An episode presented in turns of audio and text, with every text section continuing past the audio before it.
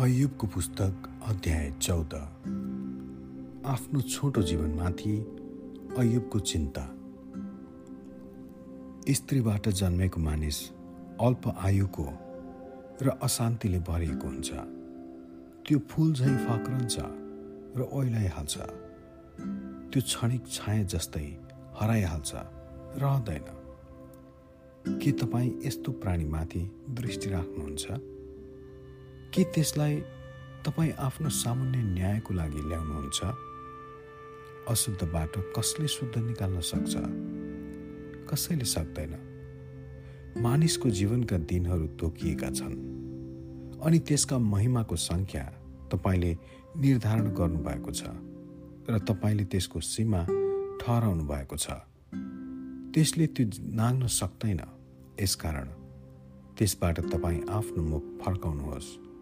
र ज्यालादार मजदुरले जस्तै आफ्नो समय पुरा नगरेसम्म त्यसलाई एक्लै छोडिदिनुहोस्।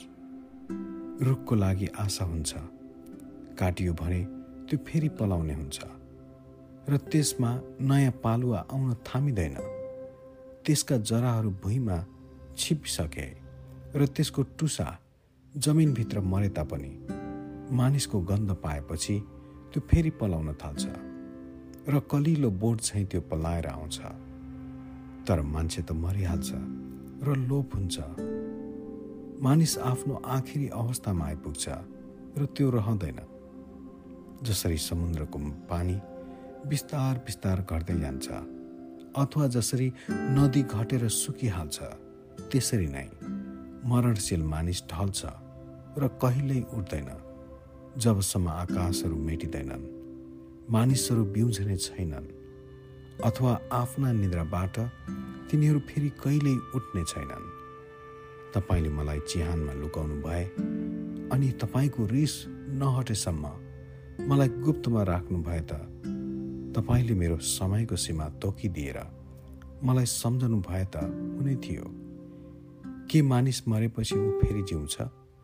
मेरो कठिन सेवा जति सुकै लामो भए तापनि मेरो नवीकरणको निम्ति म प्रतीक्षा गर्नेछु। तपाईँले मलाई बोलाउनुहुनेछ। म तपाईँको जवाफ दिनेछु। आफूले सिर्जनु भएको प्राणीलाई हेर्न तपाईँले इच्छा गर्नुहुनेछ। निश्चय तपाईँले मेरा सबै चाल हेर्नुहुनेछ। तर तपाईँ मेरो पापको लेखा राख्नुहुन्न। मेरो हरेक कसुर तपाईँको थैलोमा सञ्चय गरिएको हुनेछ।